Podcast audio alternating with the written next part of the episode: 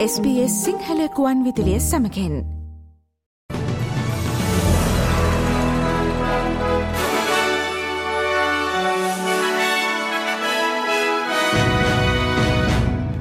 අද මාර්තුමත සිව්වනදා SBS සිංහල පුවත් ගෙනන මම කවින්දයා උමයංගනී චන්ද්‍ර සෝම. මෙවර මෙල්බර්න් හි පැවැත්වෙන Association of Southeast Asian Nations හෙවත් අසියාන් නායක සමුළුව ආරක්ෂාව සහ ආර්ථිකය පිළිබඳ කලාපිය අභියෝගවලට විසදුම් සැවීමට වැදගත් අවස්ථාවක් වනු ඇතැයි අගමැති ඇන්තනී ඇල්බනීසි පවසයි.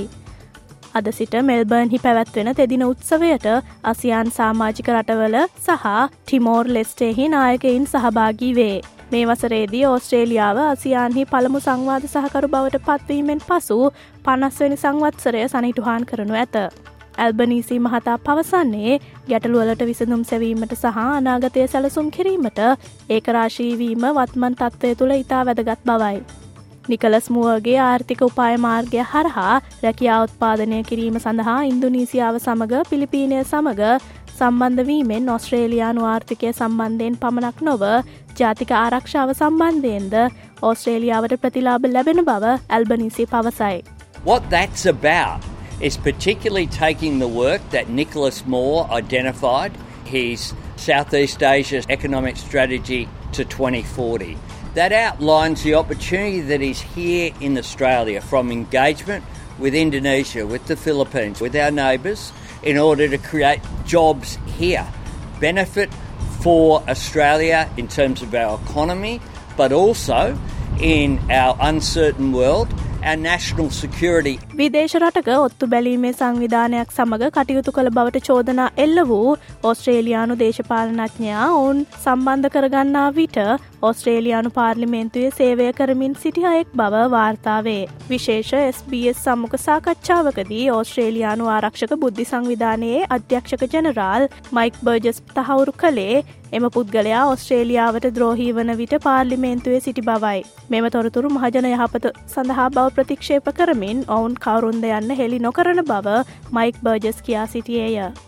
මේ වන විට ප්‍රශ්නය විසඳී ඇති බවත් ඔහු හෝ ඇය කුමන පාර්ලිමේන්තුවේද යන්න හෙළි නොකරන බවත් දේශපාලන ක්‍රමයට විරුද්ධව විදේශ අතපෙවීම් ආණ්ඩුවේ සෑම තරාතිරමකම සිදුවන බවත් ඔහු ප්‍රකාශ කළේය. So former politician now, the matter is resolved, but this happened when they were a politician.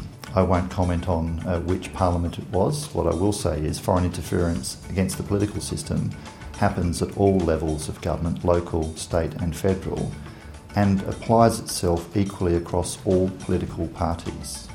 Charles රජු සහ කැමිලා රජනගේ ඔස්ට්‍රේලියයානු සංචාරය සඳහා සැලසුම් සකස්වමින් පවතිී. මේ වසර අවසානයේදී ඔවුන් රාජකීය සංචාරයක යෙදීම පිළිබඳව ෆෙඩරල් රජය තහවුරු කර ඇත. චාල්ස් රජගේ පිළිකාරෝගී තත්ත්වය හඳුනා ගැනීමෙන් පසු ඔහු සම්බන්ධතා තරමක් අවම කර ඇති බව වාර්තාවේ. අගමැති ඇන්තනි ඇල්බනීසි පැවසුවේ රාජකීය සංචාරය පිළිබඳ සැලසුම් ක්‍රියාත්මක වෙමින් පවතින බවයි. ලිබරල්වාදීන් විසින් ඉදිරිපත් කරන ලද පූර්ව මැතිවරණ සැලැස්ම තුළ ඕස්ට්‍රේලියාවේ සංක්‍රමණිකයන් අඩු කිරීම සහ විදේශීය සිසුන් සංඛ්‍යාව කපා හැරීමද දකින්නට ලැබෙනු ඇත.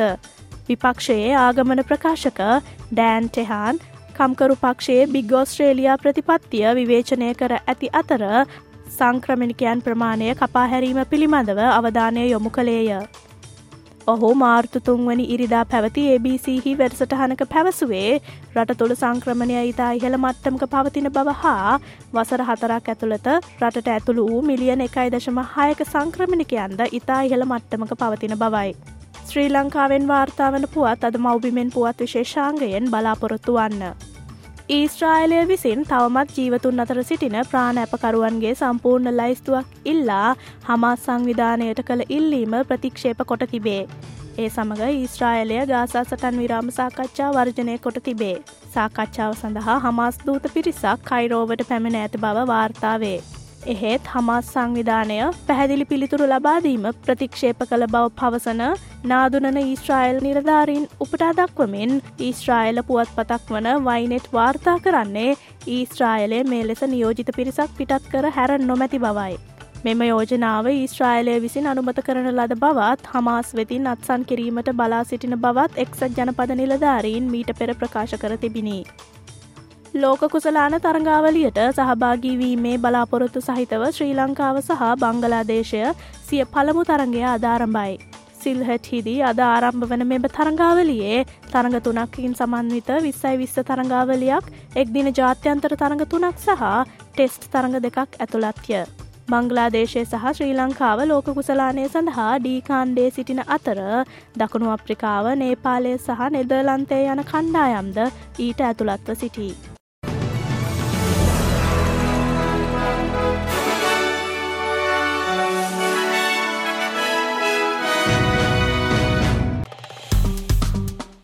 ලයි කරන්න ෂයා කරන්න අදහස් ප්‍රකාශ කරන්න SBS සිංහල ෆස්බුක් පිටුව ෆලෝ කරන්න.